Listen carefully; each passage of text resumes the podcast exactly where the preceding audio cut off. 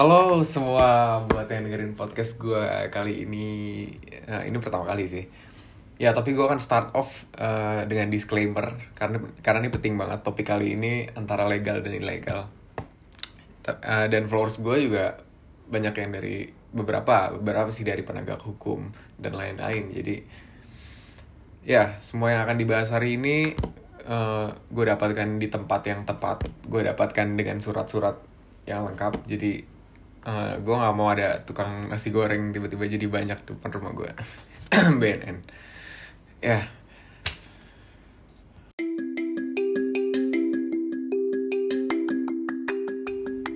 Oke, kita masuk ke line up kita hari ini di kayak konser. Yang pertama itu ada Alprazolam, uh, which is kategori benzodiazepin. Jadi kalau lu tes urin, ini ada benzodiazepin. Nama nama merek dagangnya biasanya Xanax dan Zipras dan Dumolit kalau gua nggak salah. Jadi this is the illegal one. I call it sleeping pills. And then the next one is escitalopram. Escitalopram, nah ini bikin penasaran nih, because ini di happy pills. Tapi bukan happy pills yang instan. Jadi kayak ini the legal happy pills. If I'm not if I'm not mistaken, it's it's, it's legal. And then nootropics. Nootropics ini kayak campuran dari bahan kimia, dari beberapa bahan kimia yang di diekstrak dari alami. Tapi ini kayak bisa bener-bener buat nguatin fokus. Ini masih terkenal di US, belum masuk ke Indo. Berikutnya line up kita ada modafinil. Modafinil atau armodafinil. Armodafinil ini yang paling baru. Jadi kayak kedua drugs ini, gue sebutnya smart drugs. Kayak it literally bikin lu smarter, bikin lu fokus, bikin lu apa dan lain-lain, you name it. Lu bisa cari di internet modafinil itu bener-bener keluar smart drugs, smart drugs, smart drugs. Karena memang semua orang berpikir seperti itu. Maka lo harus dengerin. Terus ada buspirone, aricept, dan lain-lain. Itu adalah kayak obat-obat yang menurut gue kurang begitu bagus. Beberapa ada yang placebo. Nah, tapi ntar nanti gue kasih tahu juga efek placebo itu seperti apa. Tapi ya, silakan di enjoy my podcast, my my goddamn first podcast.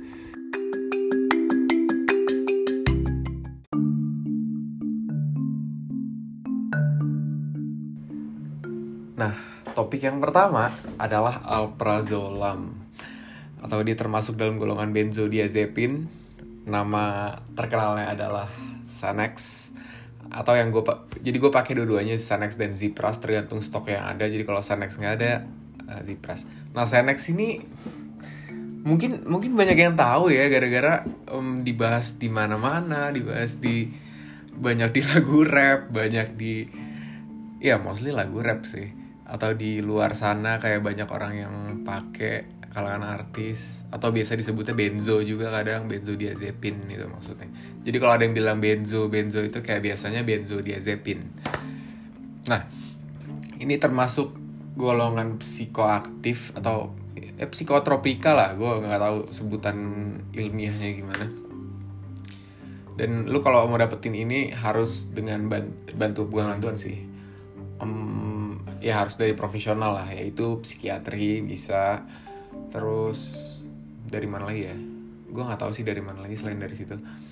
Tapi gue juga bingung kenapa yang belakangan ini banyak yang ditangkap. Gara-gara ini ada Tora Sudiro waktu itu ditangkap kalau nggak salah gara-gara benzo. Terus juga Nunung terus juga Roy Kiyoshi terus juga ada satu lagi tapi gue lupa udahlah. Nah mereka maksudnya mereka tingkat selebriti ini memang mereka nggak nggak nggak ke psikiatri atau nggak ke psikiater atau nggak ke profesional lainnya gitu. Maksudnya ya they can afford that. Tapi kenapa enggak gitu? Apakah apakah privacy concern? Makanya mereka beli diem-diem di drug dealer. Karena jujur ini gue gue menemukan banyak temen gue beli uh, uh, golongan ini Xanax, Zipras uh, dan juga benzodiazepin lainnya ini ada mereka beli di drug dealer tuh mahal banget. Kayak gue nanya lu beli berapa? Satu strip satu strip itu isi 10 kan? Kayak X amount lah. Terus kayak itu tiga hampir tiga kali lipat dari harga yang gue dapet di rumah sakit. Dan rumah sakit gue tuh rumah sakit uh, rumah sakit gede gitu rumah sakit bagus lah. Dan ya lu enak pelayanannya bagus lo ada dokternya lu bisa ngobrol lu bisa curhat. Kayak terus kenapa lu beli di di drug dealer gitu loh gue bingung tapi ya kenapa ini jadi topik pertama? Ini sangat nggak um, tahu waktu itu gue pernah ngepost juga pertama kali gue pakai ini entah kenapa di Instagram terus banyak yang komen. Kayak gue nggak nyangka mereka semua pada tahu dan mereka semua pada mau. Dan gue juga pada awalnya gue senang karena itu gue liat review di internet pertama kali orang pakai itu kayak heaven. Kayak apa pun ma apa pun masalah lu uh, gue bukan masalah sih gue anxiety attack every night. Terus kayak apa pun lu punya keresahan tuh kayak tiba-tiba kayak blissful. Kayak apa ya kayak kayak bliss. Kayak tiba-tiba chill tenang. Tapi lu nggak high nggak kayak orang pikirin kayak uh, kayak min kayak mabok lah kayak apa. Enggak sih menurut gue ya kalau di dosis di dosis yang tepat dan dosis yang tepat itu beda-beda sih tiap orang. Jadi gue nggak bisa sebut dosis yang tepat berapa. Tapi ya enak aja gitu pertamanya. Gue bilang ini pertamanya ya. Jadi jangan lo tiba-tiba bilang oh ya ini blissful. Enggak ini pertamanya. Tapi ada tapinya nih, nih. Ada ada ada drawbacks ya nih dari Sanex ini. Dan benzodiazepin lainnya. Oh ya by the way ada satu lagi um, yang termasuk golongan benzodiazepin terkenal depannya D apa ya? Dia dumolit. Kalau gue nggak salah dumolit. Tapi ini ya ya itu yang kebanyakan ditangkap juga. Ya jadi hmm, yang tadi kan gue bilang awalnya. Awalnya itu oke okay, awalnya itu uh, heaven lah buat orang-orang pasti yang punya masalah yang punya anxiety yang punya mungkin BPD mungkin kalau nggak salah di prescribe ini juga. Eh BPD bipolar disorder sorry. Um, nah tapi ak akhirnya tuh uh, jadi dia ketergantungan itu sangat tinggi. Dalam artian lo minum 0, jadi gue gue awal dikasih 0,25 dan sekarang 2 tahun kemudian gue udah 10 kali lipat dari 0,25 itu jadi gue udah 2,5 mg per hari. Dan itu kalau gue nggak salah gue baca di beberapa internet maksimum dosage-nya itu antara 4 sampai 8 mg jadi kayak beberapa beberapa orang beda-beda eh beberapa artikel beda-beda gitu. Kayak ada yang bilang 4 mg ada yang bilang enggak ini masih bisa sampai 8 maksimum dosnya tapi maksudnya lu bayangin gue udah 10 kali lipat baru pakai 2 tahun. Itu pun gue pakainya on off on off kan. Kayak gue nggak setiap kali setiap hari pakai selama 2 tahun gitu gue on off on off. Dan aneh kayak pertama kali gue pakai 0,25 mg ini gue nggak tahu ya lo pusing apa enggak kalian semua nyebut angka mg mg ini tapi ya lo bisa bayangin lah. Jadi kayak 0,25 eh, mg ini anggaplah satu kapsul satu tablet gitu. Nah ini tuh bisa bahkan gue minum gue pernah coba minum dua kan jadi gue bandel gue dikasih satu gue minum dua tapi gue di rumah. Gue tidur coy. Gue nggak bisa bangun kayak bener-bener berat gitu buat bangun rasanya badan tiduran tau gak sih? Kayak lo lagi malas sekolah gitu kayak aduh berat banget badan nempel di karpet. Gue tiduran di lantai kan. Tapi nggak se seburuk yang lo pikirin sih cuma santai aja kayak bener-bener chill. Jadi menurut gue ya itu pada awalnya itu enak tapi sekarang eh, gue udah mulai concern sama jenis ini karena ya itu dosisnya yang udah gue nggak nyangka tiba-tiba udah dua setengah miligram which is 10 kali lipat. 10 kali lipat tuh anggaplah 10 tablet dari awal gue minum. Jadi tablet itu beda-beda kayak ada ini 0,25 terus kayak ini sampai 2 mg tuh kayak bentuknya ada sendiri-sendiri gitu. Ya, lo pasti pernah lihat lah kalau misalnya lo cari Sanex Bar Sanex Bar itu kayak ada kayak ada kok bentuknya kotak gitu itu bisa dipotong-potong. Kayak gitu. Nah ya jadi gue sangat gak rekomen sih uh, orang menyentuh ini sama sekali. Kayak masih banyak pilihan lain mau anti depressant mau uh, apa pun yang di prescribe sama uh, dokter lo ya yang gue advice lo untuk ke dokter atau ke psikolog. Gue sama sekali nggak nyentuh ini sih. Sampai waktu itu cerita gini setiap kali gue ke psikiatri yang berbeda-beda jadi gue punya psikiatri yang personal kan ada dua yang sering gue ke sana tapi gue ngobrol sama psikiatri lain tuh ada banyak. Entah kenapa. Nah jadi gini gue gue ke psikiatri yang satunya jadi dia baru pertama kali ketemu gue waktu itu. Karena gue gua nggak mau uh, taro trust penuhnya di satu orang. Hmm, ngerti nggak maksudnya? Kayak jadi psikiatri gue yang pertama ini cowok tapi gue nggak mau trust dia sepenuhnya. Maksudnya ya ini memang prinsip hidup gue gue gue nggak tahu sorry kalau lo mungkin dengar podcast ini atau sampai ke kuping dia tapi ya uh, gue gue nggak mau aja percaya sama satu orang apalagi di masalah yang berat ini gitu ya, di masalah yang tentang drugs dan lain-lain. Akhirnya gue ke yang kedua. Yang kedua ini cewek. Gue nggak menggenderisasi ya gue cuma ngasih tau doang yang kedua ini cewek dan dia bahkan bilang kayak nggak nih kayak konsumsi kamu yang Sanex ini harus dikurangin. Ini nggak bisa diminum tiap hari ini nggak boleh bahkan lu minum tiap hari. Ini cuma bener-bener darurat doang. Dan yang dia bilang darurat itu 0,2 mg lu bisa bayangin gak sih? Yang bilang yang si dok si dokter cewek ini bilang darurat 0,2 mg ini hanya untuk darurat. Sementara gue sekarang 2,5 mg 10 kali lipat. Jadi Iya mungkin si dokter cewek ini bener nah. Tapi itu setahun lalu lah mungkin setahun atau dua tahun lalu. Sampai akhirnya gue ada riset belakangan ini. Jadi gue bikin sebuah app dan menurut gue uh, dunia drugs dan dunia kesehatan jiwa ini gue agak relate. Nah gue pengen bantu dengan apps. Nah terus gue ada research panjang sama uh, Kementerian Kesehatan Direktur Kesehatan Jiwa Direktur langsung Pak Fidiansyah sama um, ex anggota bukan anggota wakil ketua komisi komisi berapanya gue lupa tapi pokoknya tentang kesehatan gitu. Oh, dia wakil ketua komisinya Novarianti Yusuf Bu Noriyu nah gue cerita sama gue gue sempat interview zoom sama ini kan Pak Fidiansyah ini direktur ke kesehatan jiwa. Background beliau ini um, psikiatri juga. Jadi dia ya psikiatri juga lah. Walaupun dia menjabat sebagai direktur rumah sakit direktur kementerian kesehatan tapi dia psikiatri juga. Dia paham. Gue bilang uh, kayak ya memang gue sendiri konsumsi benzodiazepin. Terus dia sendiri hah?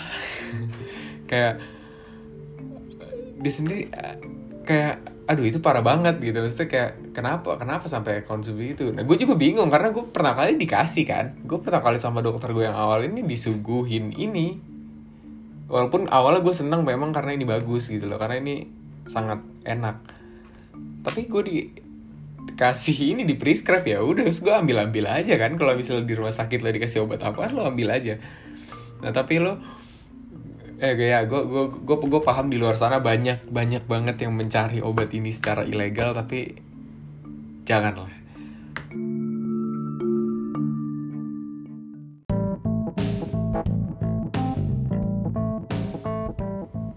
Oke, topik kedua yang gak kalah menarik nih yaitu modafinil dan armodafinil.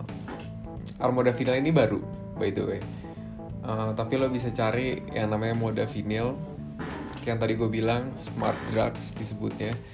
Terus itu bahkan di YouTube orang banyak yang udah ngetes, ya banyak lah kayak tes tes with modafinil sama without modafinil. Terus kayak disuruh nge-gym, disuruh uh, lari, disuruh apa, disuruh main apa ya itu ya? Pingpong or something. Gue lupa deh ada di YouTube. Jadi kayak dengan modafinil itu skor dia lebih tinggi gitu kayak intinya itu. Gue malah nggak percaya kan sampai ternyata dijual di Indonesia secara legal. Nah terus akhirnya gue cobalah gitu. Dosis yang paling hmm, jadi kayak dosisnya tuh ada banyak itu dia dibagi jadi dua. Kalau nggak salah 150 eh 200 mg dan 100 mg Nah tapi gue beliin 200 mg terus gue potek karena gue nggak berani kan awal-awal. Kayak wah ini serem juga nih pasti ada drawback ya kan. Jadi gue potek awal-awal gue potek jadi dua terus gue minum. Uh, itu menurut gue udah oke okay sih awal-awal kayak anjir gue jadi fokus gue bisa duduk di kursi. Maksudnya kayak orang biasa duduk di kursi depan laptop pegel kan kerjaan gue kan uh, tech and everything kan depan laptop terus kan. Ini tuh mata biasanya sakit kayak gak bisa duduk gak bisa diem aja gitu duduk tapi ini gue bisa. Nah terus gue coba uh, full tablet. Masih mode vinyl nih ya armoda vinyl tuh di atasnya katanya yang paling baru jadi mode jadi gue masih mode vinyl waktu itu terus satu tablet gue telan full. Wah makin makin ya sama sih kayak sebelumnya kayak gue minum setengah tapi kayak makin bagus nih kayak masa sih kayak gue gue gue sendiri juga nggak percaya masa nggak ada efek sampingnya sih? Tapi gue cari di internet gue coba searching searching memang nggak banyak efek sampingnya. Ya memang mungkin bukan untuk long run bertahun-tahun 20 tahun lo minum itu tiap hari ya mungkin tetap nggak bagus juga tapi kayak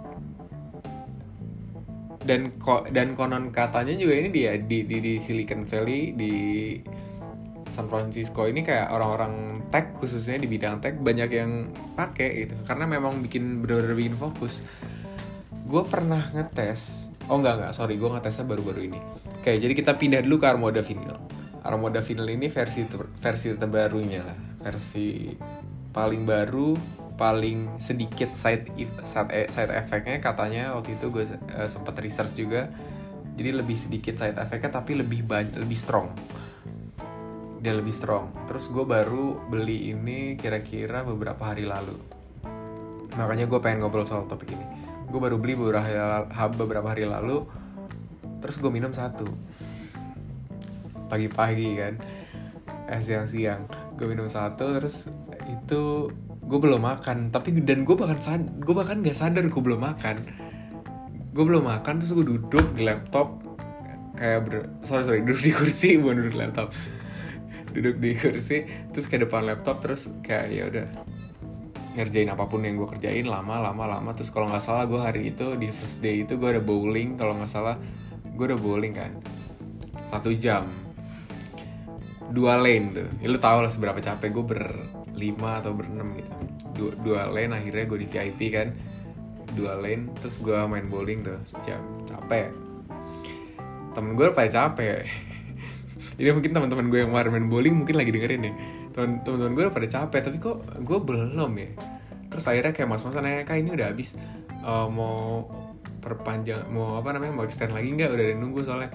Terus gue belum capek kan gue masih kayak ayo gue masih semangat. Teman gue pada udah pada mulai tepar. Terus akhirnya ya udah gue ya udah deh gue yang bayarin deh. Gue yang bayarin jam kedua terus gue langsung bayar. Baik lagi main lagi. Main lagi tuh. Main lagi yang lain udah pada capek gue belum.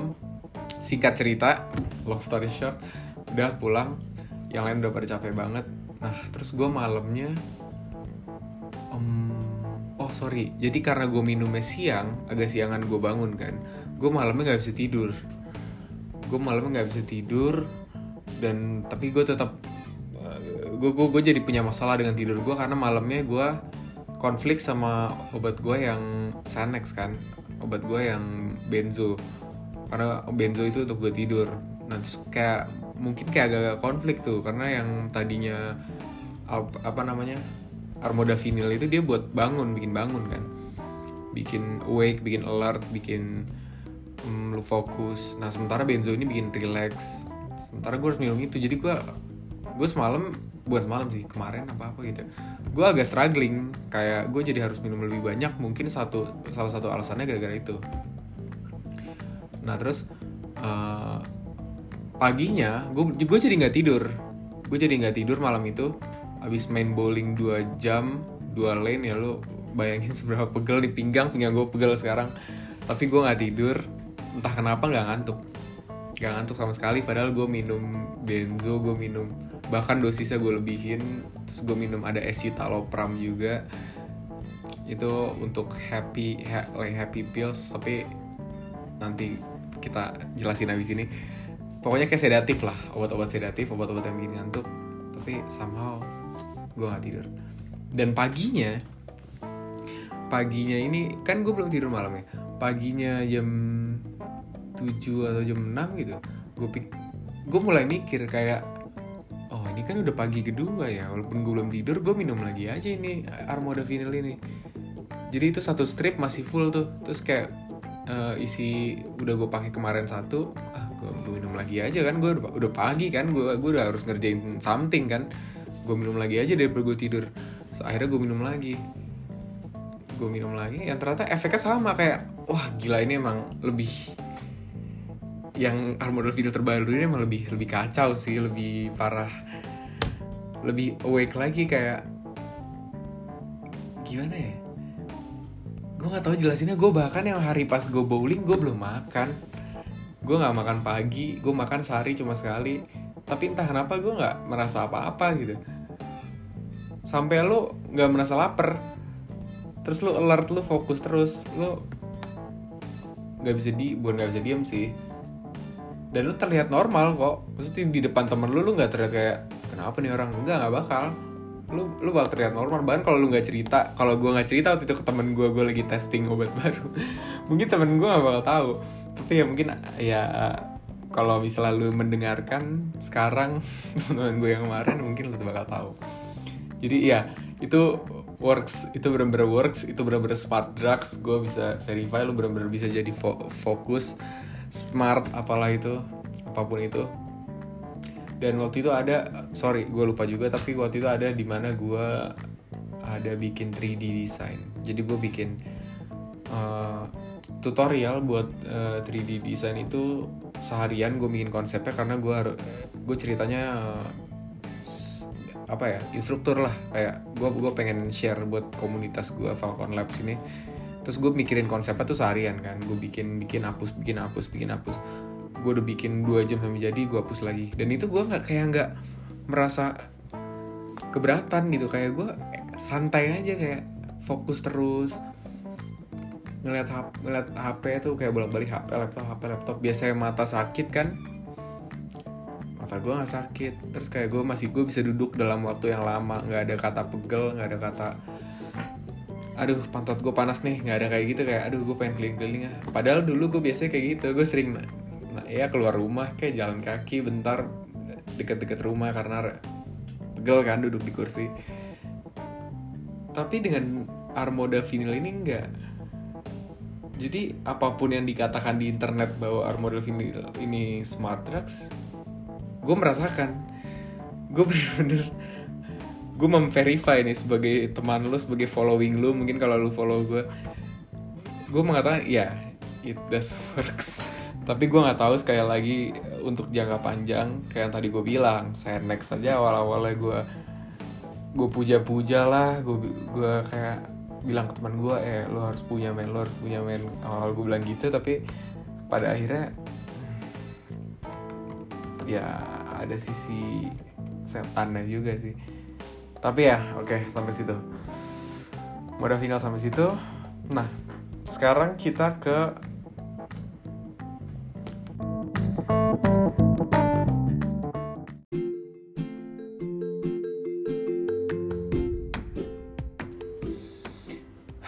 escitalopram ini ada dua merek dagang yang gue pakai. Merek dagang tuh kayak brand name-nya escitalopram tuh kayak uh, you know the substance and everything ya ada Depram dan Cipralex. Ntar gue baca gue tau salah. Ya Depram dan Cipralex. Ini um, menurut menurut dokter gue ini adalah kayak obat yang membuat lo jadi lo harus konsumsi selama dua minggu dulu. Jadi itu nggak instan efek kayak Sanex dan lain-lain. Lo harus konsumsi selama dua minggu dan lo akan menjadi happy. Itu ngerilis hormon happiness. Dan bahkan gue sendiri gue nggak tahu apakah ini placebo atau bukan. Tapi ini gue gue nggak ngerasa efeknya tapi itu works itu menurut gue gue gue gue happy gue kalau minum obat. Itu gue kayak emotionless. Tapi nggak di level emotionless temen lo bakal notice kayak oh kalau kenapa ketawa-tawa mulu? Gitu. Nggak. Kayak happy aja gitu bawaannya kayak mood lu bagus. Karena ini katanya merilis hormon endor endorfin. Apa sih yang sering disebut-sebut tuh kayak er, hormon happy lo happy tuh itulah. Nah tapi ini punya sedatif efek juga. Kayak yang tadi gue bilang gue minum tiap malam bersama dengan Xanax itu yang disuruh dokternya sih. Bersama dengan Xanax jadi gue lebih cepat tidur. Tapi ya gue belum pernah dikomentari soal uh, obat-obatan ini sama temen gue bahkan temen gue pun nggak sadar kalau happiness gue mungkin fake. Nggak tahu gue gue pun sendiri nggak sadar. Karena gue kadang gue kalau di hari-hari maksudnya bukan malam ya kalau misalnya gue hari kayak pagi sampai sore gue happy sih memang. Gue jarang terlihat nggak happy ngerti gak sih? Kalau gue keluar gue ketemu orang atau even in a bad meeting di zoom gue kadang tetap show up dengan happy gitu. Walaupun sebenarnya ini kayak oh anjir kemarin ini meeting banyak masalah terus gue harus meeting lagi sama orang yang sama terus kayak banyak problem. Tapi gue tetap show up dengan happy kayak pas buka mic tuh kayak halo guys kayak mencairkan suasana. Dan positif hasilnya menurut gue gue belum ada side effect dari uh, ini. Gue juga minum ini selama 2 tahun ya by the way.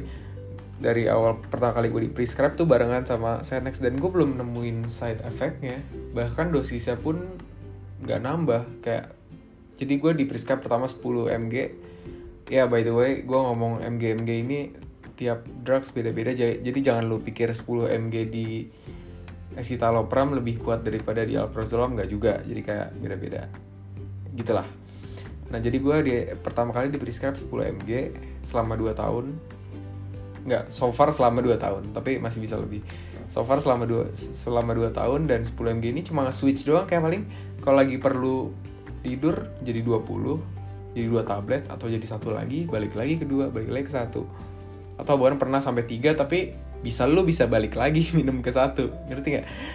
Nggak kayak nggak kayak Senex. Kalau Senex lu aduh malam ini gue perlu lebih banyak nih Senex.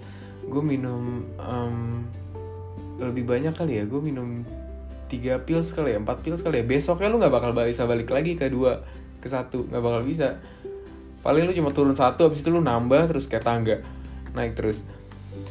Nah escitalopram nih hmm, ya gue gua gua nggak nemuin side effectnya. Gue bahkan pernah minum ini tanpa Senex jadi kan gue biasanya minum barengan nih. Maksudnya efeknya ada di tubuh gue di darah gue tuh bareng.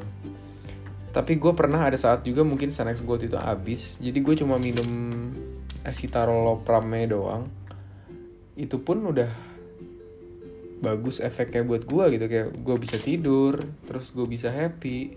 Hari-hari gue berjalan dengan baik. Kayak kalau misalnya lu mengalami depresi mungkin ini cocok buat lo kalau kayak hari-hari lu tuh kayak diem murung kayak bete setiap hari. Gue ngomongin severe ya. Severe tuh pak kayak parah. Tapi sekali lagi ya lo harus gue nggak tahu yang ini dijual bebas atau enggak escitalopram ini. Tapi lu tetap harus konsultasi sih menurut gue ke dokter atau psikiatri. Nanti di akhir uh, gue nggak tahu gue udah ngomongin di depan atau belum tapi di akhir kita akan ngomongin harga. Tapi itu kita akan bahas nanti. Karena ini paling mahal. Escitalopram ini paling mahal. Jadi kalau misalnya lo punya berkelebihan duit duit jajan mungkin duit jajan atau lo punya berkelebihan gaji mungkin lo bisa afford ini. Karena bulanannya cukup mahal tapi ya untuk bahkan even untuk karir gue pun ini nggak tahu ya mungkin gue gue nggak pernah nggak minum jadi gue nggak sadar mungkin ini salah satu kontribusi karir gue yang happy ini. Maksudnya gue nggak bilang karir gue bagus tapi kayak Eh, selama masa karir gue gue mostly happy gitu gue belum pernah ada masalah apa apa dan ini nggak menurunkan menurut gue ya dan menurut research gue di internet gue selalu research sebelum podcast ini nggak menurunkan konsentrasi lu di next day-nya. Kayak nggak tahu kenapa. Dan eks dan eksperimen gue waktu itu dengan escitalopram jadi gue pernah yang tadi gue bilang Senex gue habis gue minum escitalopramnya ekstra. Karena gue pikir gue nggak tahu sih mungkin ini salah gue nggak konsultasi ke dokter. Jadi um, gue minum escitalopram ini ekstra gue nggak tahu gue minum dua atau tiga pada waktu itu karena sana saya habis banget dan gue perlu tidur. Jadi gue minum dua terus tidur gue jadi pendek jadi tidur gue tuh harusnya biasanya normal 8 jam lah per hari. Tapi tiba-tiba jadi 5 jam atau 4 jam dalam beberapa hari itu tiga hari atau empat hari jadi cuma empat jam dan bangun fresh terus gue bingung Hah? kayak ini gue tidur cukup kan? Gue sendiri bertanya sama diri gue kayak ini gue tidur cukup kan? Kayak tapi gue bangun fresh banget. Tapi dosis gue kebanyakan bahkan gue cari di internet pun tiga itu too much kan tapi gue bangun dengan fresh tapi ah udahlah. Ya, gue gue nggak memutuskan untuk lanjutin uh, dia over gimana bilangnya overdosis nggak tahu. Gue nggak memutuskan untuk melanjutkan akhirnya gue ke dokter lagi saat next lagi akhirnya kayak dosisnya balik lagi ke awal.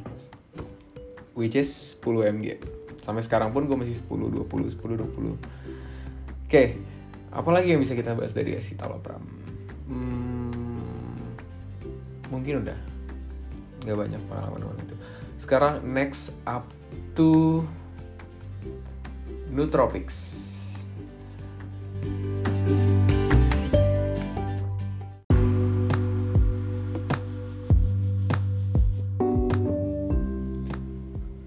Nootropics. Ini kontroversial nih. Kayak yang tadi di awal pas gue sebutin line ups ini nootropics ini kayak campuran dari beberapa Nutro, nootropics ini kayak bukan sebuah bahan kimia tapi nootropics ini campuran dari bahan kimia terus kayak uh, campuran ini disebut nootropics. Nootropics itu biasanya lo bisa cari mungkin di internet gue nggak hafal. Jadi kayak ada salah satunya alpha GPC terus dicampur dengan L-theanine, L-tyrosin terus uh, ada salah satunya kafe kafein itu termasuk uh, dalam nootropics kalau nggak salah campuran nootropics. Terus ada juga um, wait gue lupa. Pokoknya nama-nama nama-nama bahan kimia gitu deh. Oh lion's mane. Lion's mane tuh kayak kalau gua nggak salah itu ekstrak jamur or something tapi bukan jamur yang shrooms. Kayak jamur bener-bener jamur. Terus kayak dinamain lion's mane terus ya itu kayak campuran dari berbagai hal terus dinamain nootropics. Kayak semacam komunitas kimia. Jadi lo bisa milih dua di antara semua. Itu kalau nggak salah uh, nootropics itu consist of 20-an mungkin 20-an jenis bahan kimia atau belasan mungkin gue lupa. Jadi terus kayak lo bisa pilih dua atau pilih tiga terus dicampur terus lu minum. Jadi kayak ada perusahaan company-company yang memproduksi jadi dia nyampurin kayak misalnya contoh gue lupa nama company-nya ini di US jadi dia kayak startup gitu. Dia bikin misalnya produk lain pertamanya uh, fokus uh, temanya fokus nah temanya fokus dia cuma ambil tiga nih misalnya kafein uh, L-theanine sama L-tyrosin misalnya gue hafal ya terus dimasukin tuh jadi fokus. Terus yang kedua mungkin power atau endurance. Atau disebutnya apa ya misalnya? Ya apa pun yang dia mau inilah. Misalnya power. Nah apa nih yang bikin power dari dari belasan nut, uh, jenis nootropics ini? Misalnya ada lion's mane. Lion's mane misalnya bikin power. Terus ada apalagi lah bahan-bahan yang eh, gue hafal itu ada belasan gitu terus uh, misalnya ada juga uh, mau ini fixing eyesight uh, bikin mata lo jadi tajam. Gue nggak tahu apakah itu bener apa enggak ya. Tapi ya itu beberapa kali di advertise gitu sih di iklanin gitu. Jadi kayak campuran dari beberapa nootropics khusus terus katanya itu bisa memperbaiki eyesight lu dalam waktu sehari. Maksudnya bukan memperbaiki secara permanen tapi pada hari itu aja gitu nah gue pernah coba ada salah satunya adalah Alpha GPC gue pernah coba dan menurut gue ini mungkin karena impor di Indonesia nggak ada yang produksi. Dan importirnya juga nggak jelas jadi harganya mahal. Kalau kayak obat-obatan tadi yang gue sebut dia importirnya jelas. Maksudnya importirnya tuh memang impor tapi importir besar gitu. Jadi dia nggak begitu nggak ngambil profit begitu banyak per stripnya tapi yang kali ini importirnya kayak importir kecil deh gue nggak mau sebut. Tapi ini ada ada gue beli dari online terus kayak di packaging ulang gitu. Yang menurut gue ini harusnya ilegal sih di kayak kayak gini di repackaging gitu. Jadi kayak dia beli nootropics pills alpha GPC dalam jumlah banyak terus dia cuma masukin di botol plastik terus di labelin pakai I don't know ini apa kayak kertas di lakban doang deh. Ini bahkan bukan label deh Iya gue beli online tapi gue gue sendiri juga curiga tapi reviewnya banyak sih memang review di e-commerce tersebut ya. Um, ya tapi ini efeknya uh, mirip modafinil kayak focus and everything. Um, sangat mirip sama modafinil tapi mungkin lebih lemah karena bahkan gue waktu itu minum jadi ini uh, dosisnya per pills 150 mg tapi gue baca di internet 150 eh, mg ini adalah dosis cupu. Maksudnya dosis kayak ngapain lo minum gitu. Jadi jadi waktu itu gue minum tiga. Gue minum tiga alpha GPC 99% btw kalau buat lo yang ngerti ini ini 90 eh kenapa tuh di rumah gue oke okay. distraction. Jadi 450 mg of alpha GPC gue minum. So oke. Okay. bagus hasilnya tapi lu bu tapi ini mungkin obat termahal yang pernah gue minum. Karena berarti kalau misalnya kita gue kalkulasiin mungkin daily dosage-nya ini 35 ribu. Which is kalau misalnya gue minum sebulan 30 hari mungkin sekitar 1 juta something. Dan ini hanya untuk satu jenis. Ini aneh sih menurut gue ya karena ya menurut gue segitu mahal sih. Karena kan gue punya line of drugs fungsinya beda-beda banyak kayak ada yang sleeping pills, smart pills, eh smart pills, happy pills. Uh, iya, gue minum tiga itu at least tiap hari. Smart, happy sama sleep. Dan ada juga vitamin gue juga minum kok. Jadi lu jangan mikir gue kayak selalu dengan substansi-substansi yang jelek-jelek nggak. Gue minum vitamin juga tiap pagi tapi gue gak review vitamin itu kayak bullshit gak sih vitamin tuh? Kayak back to the topic alpha GPC hmm. so far uh, nootropics itu ada banyak dan gue cuma cobain satu jadi gua, jadi satu jenis jadi gue nggak bisa review terlalu dalam tentang nootropics ini jadi gue gak akan perpanjang lagi reviewnya. Gue langsung next up to apa ya Aricept. Let's talk about Aricept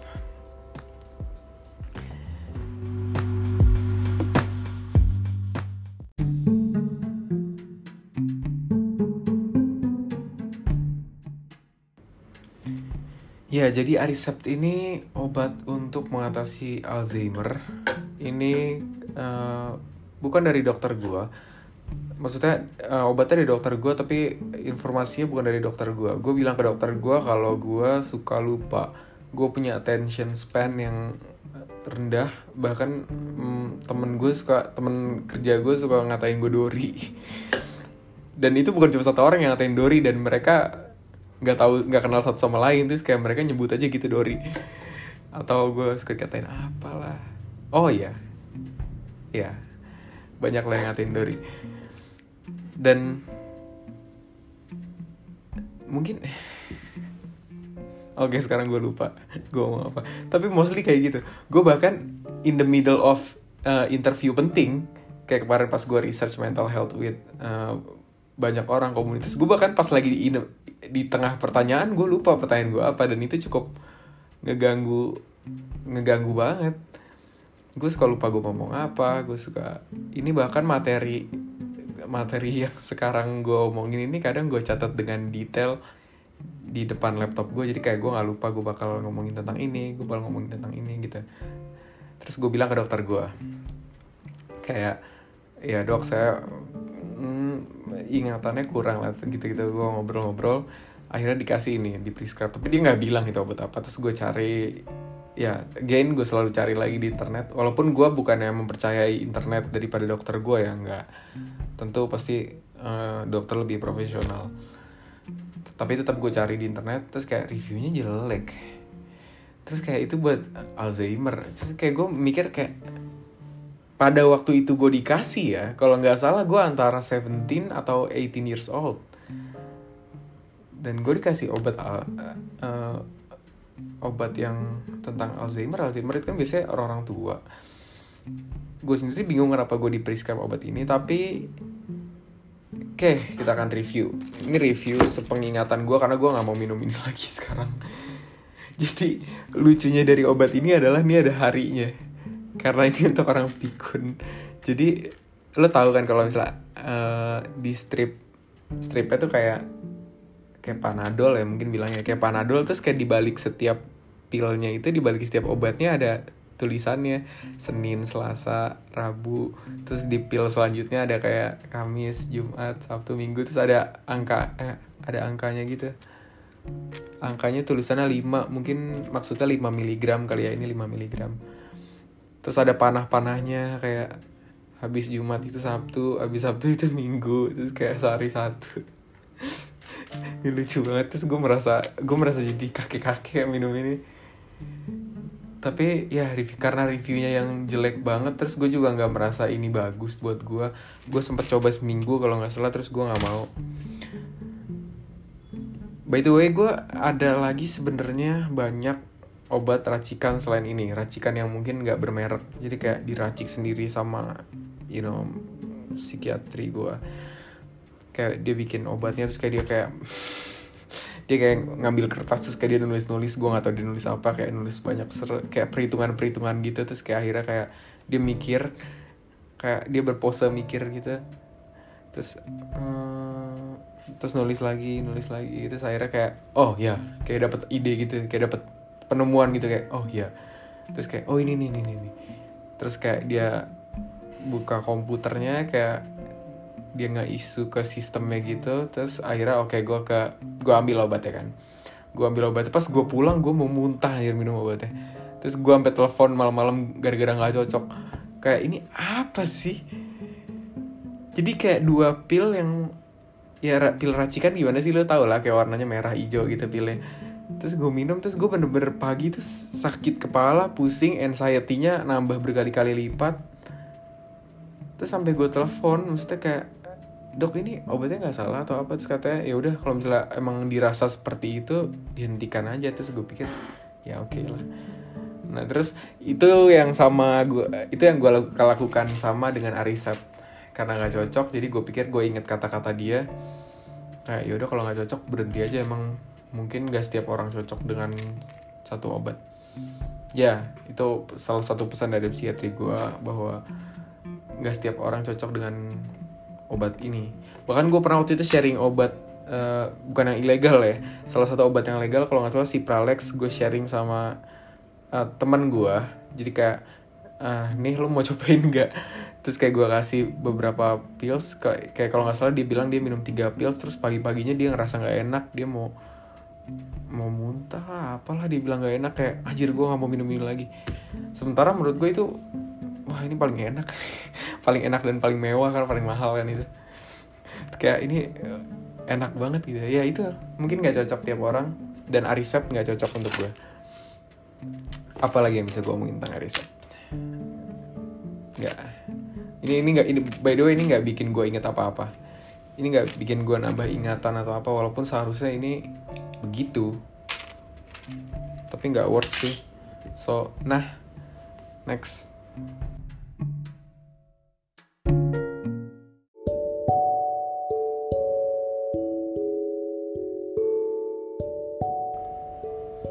Oke, okay. last but not least, kayak youtuber, jijik ya. Jadi terakhir ini Buspiron, gue gak tau cara baca gimana. Buspiron, gue gak tau ini dari mana ini obat. Tapi ya, jadi ada yang menarik tentang obat ini. Gue uh, sekali lagi gue selalu riset sebelum gue minum setelah dikasih dari dokter ya. Dan gue cari gue gue paling gak suka namanya placebo ya gue gue gue tahu kata uh, placebo ini dari gue kecil dari gue cukup SMP mungkin gue tahu kalau some drugs is play, uh, placebo kayak gue jelasin placebo kalau buat lo yang nggak tahu jadi kayak itu obat yang isinya bahkan kosong kosong atau mungkin ada isinya tapi sedikit tapi dibuat seolah-olah hmm, itu obat ada efeknya gitu kayak misalnya obat pilek, obat sakit kepala, obat apa. Sebenarnya itu nggak ada efeknya tapi lo disuruh minum karena itu me menstimulat pikiran lo bahwa lo akan sembuh gitu. Jadi kayak isinya tuh I don't know, ada yang bilang cuma tepung atau mungkin bahasa bahasa ininya tepung bahasa ilmiah tepung gue nggak tahu lah. Tapi katanya gitu. Itu apotekar kalau nggak salah yang bilang yang bilang ke gue kayak gue punya kenalan apoteker gitu. Iya yeah, itu ada placebo. Terus gue nyari di internet kan. Gue kayak ini Buspiron ini dikasih by the way brand name-nya adalah Sciety nggak pakai N jadi bukan anxiety cuma Sciety doang. Buspiron ini adalah dikasih pada saat gue minta replacement dari Xanax. Jadi gue bilang uh, ke dokter gue kayak gue mau berhenti pada waktu itu tahun lalu. Gue bilang gue mau berhenti dari Xanax ini too dangerous. Padahal waktu itu gue masih sekitar di 0,75 mg or something. Sekarang gue di 2,5 btw jauh lebih banyak terus kayak pada waktu itu gue sadar kalau ini dangerous dan dokternya juga tahu kalau itu dangerous. Terus kayak ya dia setuju oke ini kita saya coba kasih replacementnya dan lain-lain. Akhirnya gue dikasih Buspiron. Atau ya brand name Saeti. Gue bilangnya Saeti aja deh. Lebih aneh. Nah Saeti ini pas gue cari di internet memang ada beberapa review yang bilang kayak ya it works. Ini ngesol ini memang ngesolve ngesolve anxiety karena namanya anxiety gitu. Kayak udah udah udah udah aneh gak sih dari situ aja kayak namanya anxiety sementara penyakit gue anxiety kayak dari nama aja gue udah curiga itu adalah placebo tapi gue nggak tahu lah. Terus gue cari. Terus ada bener-bener suatu artikel atau situs yang gue lagi buka sekarang juga nih. Jadi dia tuh bener-bener nampilin tabel tabel kandungan. Bukan tabel kandungan. Dia bener-bener nampilin tabel efeknya secara presentasi bandingin buspiron atau Sayeti sama Xanax atau yang tadi gue sebut benzodiazepin golongannya. Terus dia bandingin Xanax di sini efek sedatifnya dia tulis 41 sampai 77 persen. Sedatif tuh efek ngantuk by the way. Efek ngantuknya tuh 41 sampai 77 persen.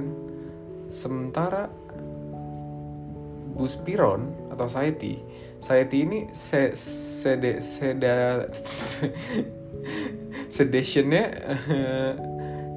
tulisannya cuma 4% terus ada tanda kurungnya same same as placebo. Terus di situ gue mikir kayak maksudnya ya memang bener uh, Sayeti ini ada kandungannya dan beberapa memang bilang ini works. Tapi atau apakah memang gue sengaja dikasih placebo karena gue bilang gue mau berhenti Xanax? Tapi apakah itu solving? Maksudnya Xanax itu kan highly addictive dan dangerous gitu. Bahkan uh, a lot of people on the internet bilang itu hard to quit. Bener-bener hard to quit. Ada yang bilang hell to quit ada yang bilang ya ngomongnya macam-macam lah. Dan gue dikasih buspiron sebagai pengganti Xanax itu kayak agak agak aneh sih dan gue bahkan cuma minum anxiety ini cuma satu atau dua karena nggak ada efeknya ke gue nah ngomongin placebo ada satu lagi ya placebo yang pernah dikasih ke gue tapi gue lupa namanya tapi nggak apa-apa. Gue gue lupa sebut di awal juga. Gue lupa namanya jadi dokter gue yang cewek. Dokter gue yang cewek ini lebih kayak ke terapi gitu ya. Dia lebih kayak uh, prefer uh, metode yang lebih sehat lebih tidak kimia gitu. Nah terus dia ngasih gue obat gue cerita tentang uh, apa yang gue alamin terus dia bilang kayak hmm ini harusnya bisa di solve dengan obat generik namanya ini. Terus jadi itu obat-obatan obat itu gue cari di internet itu obat murah banget. Gue sampai bingung itu kenapa murah kayak cuma literally, literally cuma harganya satu tabletnya cuma 300 rupiah atau 400 atau 500 rupiah gitu. Gue bingung kayak ini di rumah sakit loh kok obatnya semurah ini? Gue curiga itu placebo tadinya. Tapi gue nggak tahu juga itu placebo bukan gue lupa namanya. Terus gue cari di internet eh, nggak uh, ada nggak ada petunjuk bahwa itu placebo atau bukan waktu itu. Tapi itu adalah gue cari di internet bahwa itu adalah uh, obat penurun detak jantung untuk orang yang hipertensi. Jadi gue gue bilang bahwa anxiety attack gue kadang detak jantung gue emang naik kayak bukan lebih cepat tapi kayak deg-degan banget gitu. Deg-degan dan bawaannya pengen lari kayak pengen adrenalin gue tiba-tiba tinggi tapi nggak tahu mau ngapain gitu kan. Tinggi banget. Sampai badan gue tuh kebal nggak ada rasanya. Gue mukulin tembok pun nggak ada rasanya di, di tangan gue sampai ada beberapa uh, crack di tangan gue tangan tangan kiri gue cuma ya ya jadi gue dikasih itu untuk menurunkan detak jantung. Tapi dokter gue nggak bilang itu untuk menurunkan detak jantung. Dia cuma bilang kayak hmm, harusnya bisa pakai ini.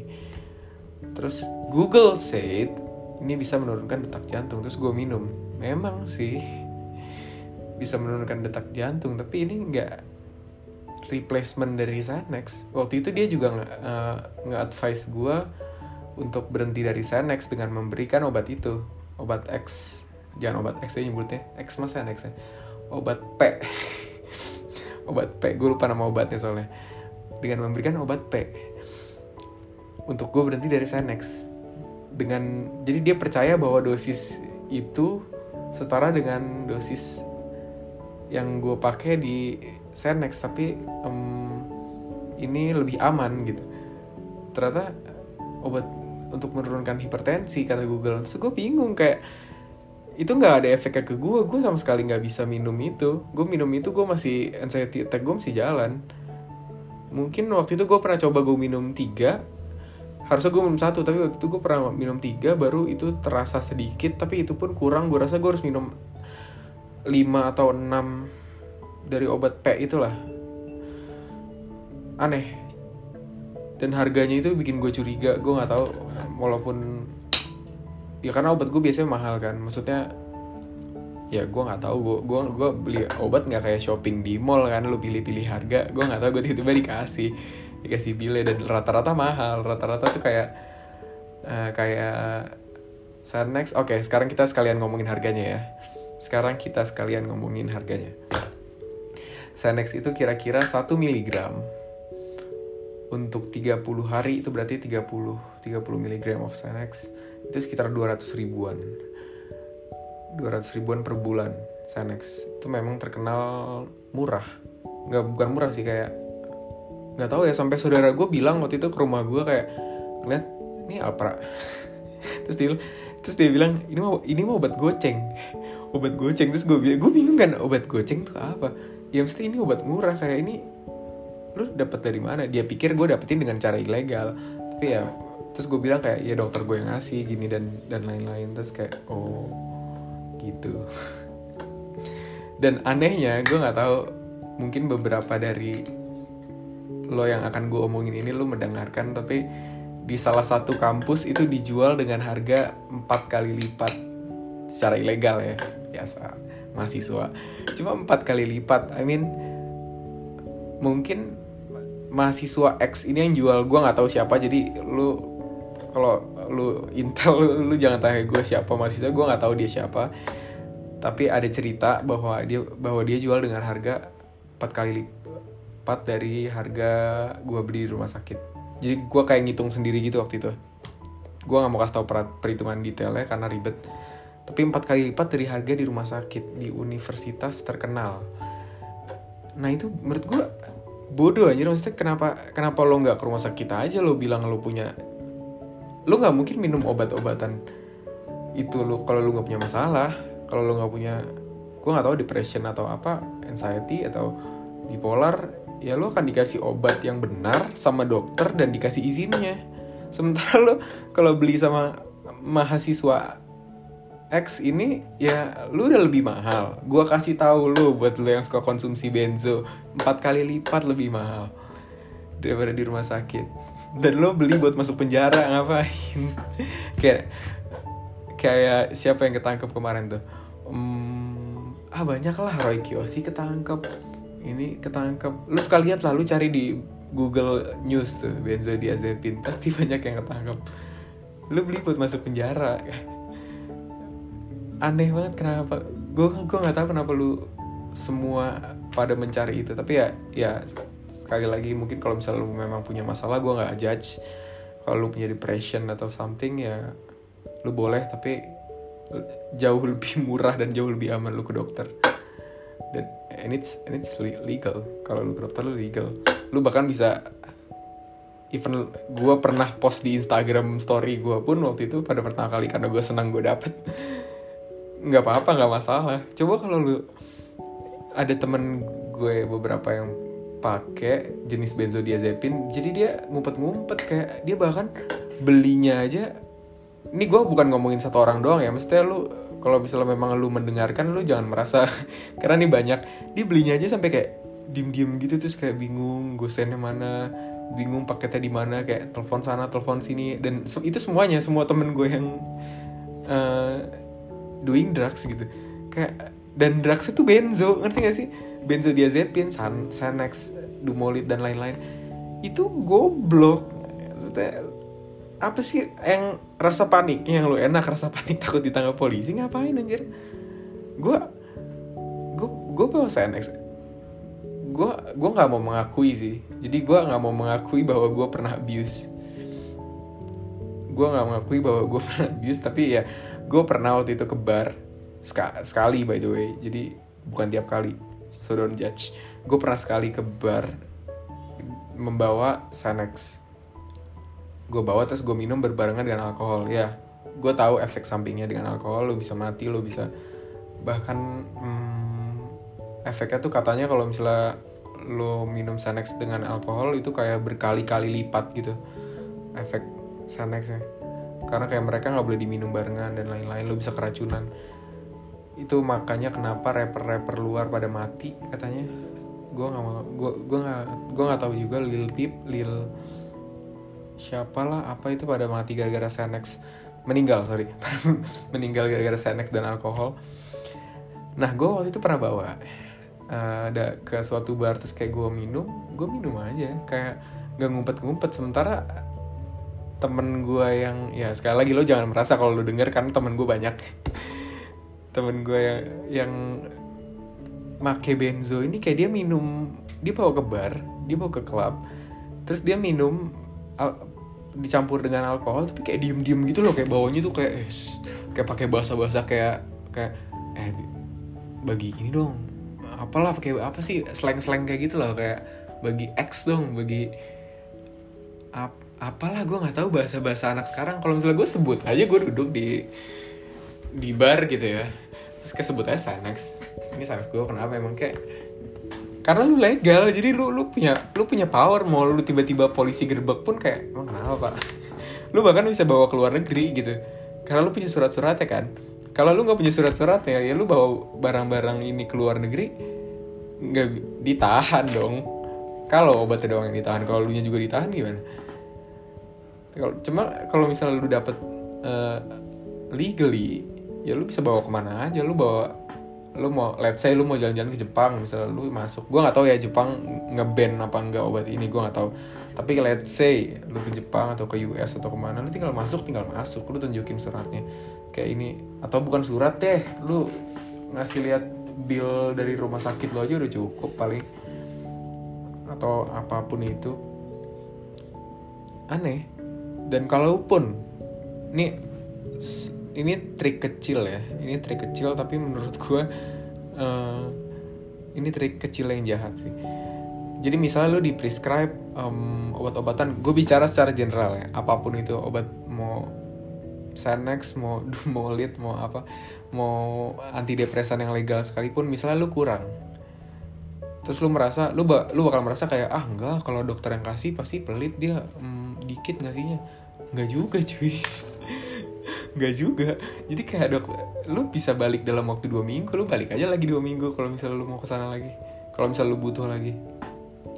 Dan harga yang lu bayar juga akan jauh lebih murah daripada lo ini daripada lo beli di luar. Apain? Lu lu bayar buat masuk penjara kayak tadi gue bilang. Nah apalagi yang bisa kita obrolin? Ntar uh, basically udah mungkin tadi gue udah compare harga Senex lo udah tahu harganya. Uh, escitalopram the happy pills gue bilang. Karena gue minum ya three type of pills tiap hari. Di happy pills um, kurang lebih sebulannya gue bisa 970 kalau nggak salah hanya untuk uh, escitalopram ini. Escitalopram itu yang happy pills yang dua minggu harus diminum gue ingetin lagi yang dua minggu harus diminum terus baru lo bisa feel happy every day. Itu sekitar 900 ya. Kalau lu bilang money can't buy happiness ya lo bisa. Money bisa beli happiness si pram itu lo beli.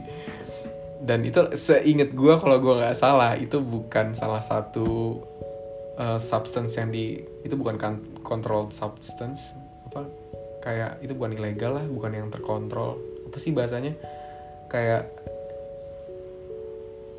ya ya gitulah kayak legal legal. Gue nggak pernah dengar ini ilegal sih.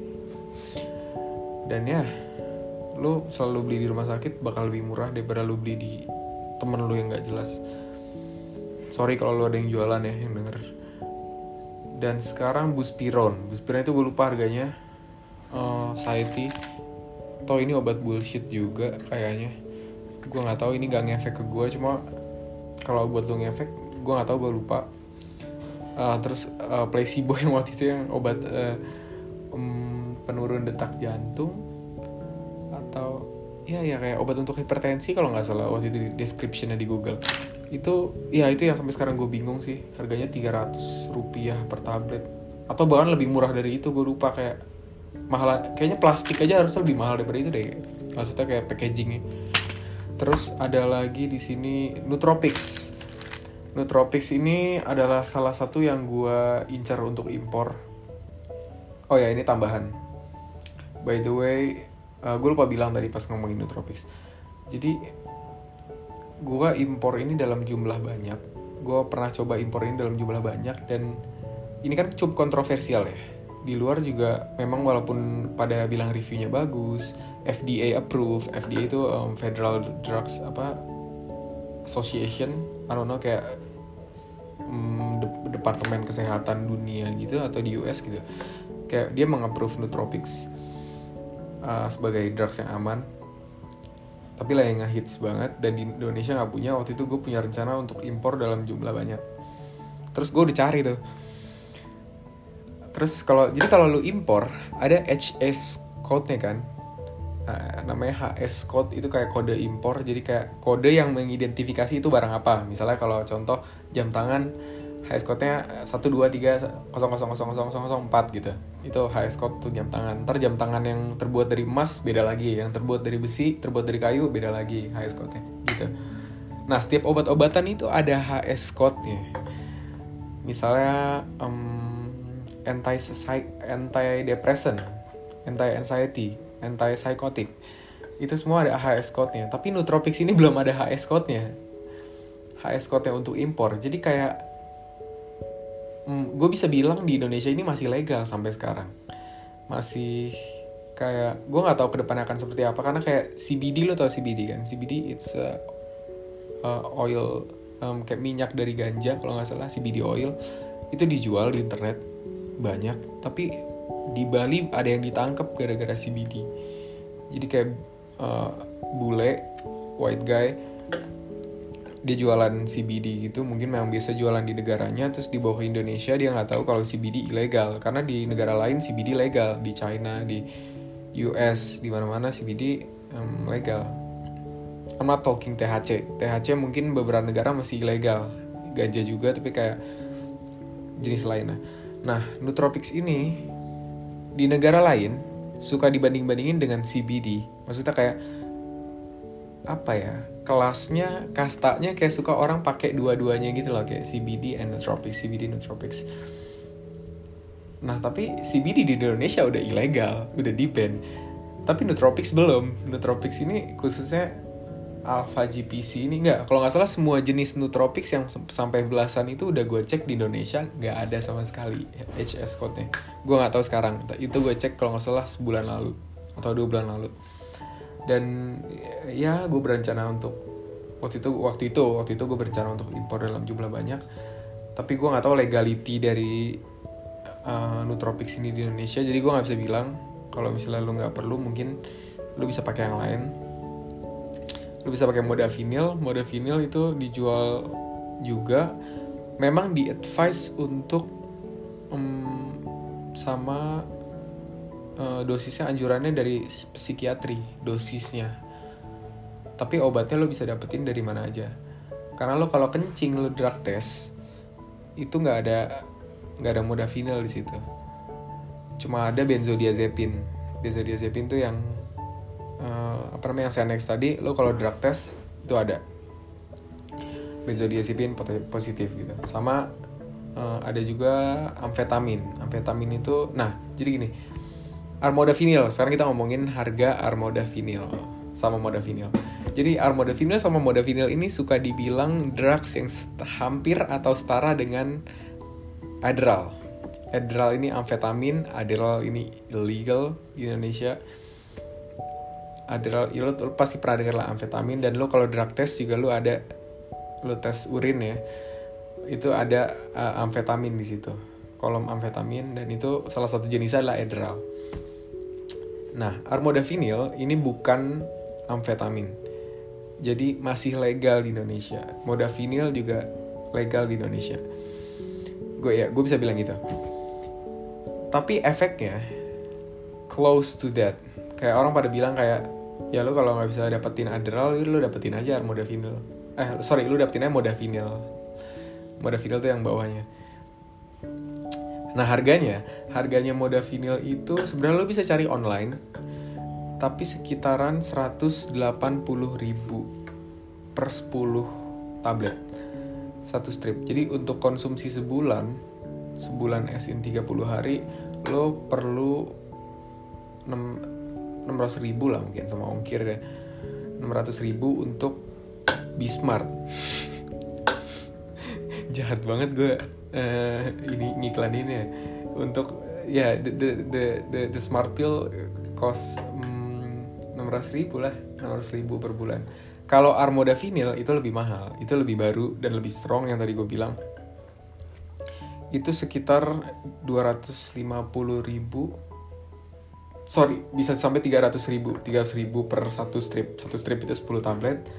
Dan kos bulanan lu bisa sampai satu juta ya 900 ribu lah. Mungkin plus ongkir kalau lu pakai instant gosen dan lain-lain itu bisa sampai satu juta. For you to be smart. Ya mungkin smart kata yang salah sih tapi for you to be focus mungkin kata yang lebih benar sisanya adalah apa tadi udah gue sebut? Alprazolam udah gue sebut um, Nootropics. Oh iya Alpha GVC lupa gue sebut. Jadi di Indonesia harganya mahal. Ini gue beli oh ya udah udah gue sebut juga deh sebenarnya. 15 ribu per, per pills tapi gue harus minum tiga. Jadi ini gak worth it menurut gue secara secara uang juga secara um, packaging juga. Ini aneh karena di repack di dalam negeri aneh lah pokoknya. Terus dimasukin ke botol plastik gitu jadi bukan bukan strip obat-obatan yang lu yang lu expect dari dokter. Kayak ih shady. Terus ada Arisep Arisep gue uh, gue gue nggak inget harga Arisep sama Buspiron berapa. Oke tapi mungkin itu yang bisa kita bahas. Tapi kalau ada yang tertarik dengan atau ingin bertanya dengan drugs lu mungkin bisa tanya ke gue lu mungkin bisa gue nggak tahu ada akan ada kontak gue di Spotify ini atau enggak tapi ya mungkin gue suka loh ngomongin itu. Kayak entah kenapa gue suka gue cukup ahli. Tapi ya lu bisa nanya. Tapi sekali lagi don't do drugs. Kalau lu nggak perlu-perlu banget kalau pekerjaan lu nggak susah-susah banget. Kalau lu bahkan masih nggak tahu di hari lu itu lu mau ngapain ngapain lu beli smart pills happy pills dan lain-lain. Lu aja nggak tahu lu hari-hari mau ngapain. Maksudnya I'm not saying jobless tapi kalau misalnya kayak hari lu banyak waktu kosong kayak ya gue bilang gue tadi di awal bilang sih gue banyak waktu kosong tapi I mean I have a lot of things to do kayak a lot of deadlines and everything. Hmm, jadi ya kalau lu nggak punya itu jadi lu nggak perlu smart pills. Mungkin itu akan merusak lu dalam otak lu dalam jangka panjang walaupun nggak jangka pendek. Dan apa tadi? Happy pills kalau lu nggak kalau lu nggak hmm, apa ya? Kalau lu nggak sedih-sedih banget lu nggak perlu. Terus juga nootropics nootropics nootropics biasa dipakai di tech industry kalau gua nggak salah tech industry di US dan kalau lu lu mungkin tau lah tech industry itu bebannya berat apalagi kalau udah yang pekerjaannya di startup big startup yang bener-bener pusing banget uh, gaji tinggi itu berat banget. Nah kalau lu kira-kira cuma sorry to say maksudnya kalau lu kira-kira cuma usaha jualan makanan atau jualan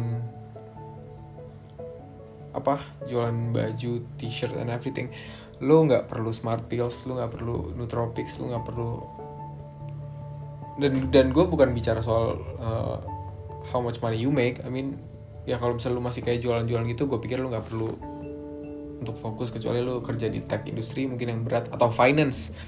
Finance juga salah satu mungkin yang gue appreciate industrinya yang memang susah investment banking gitu-gitu.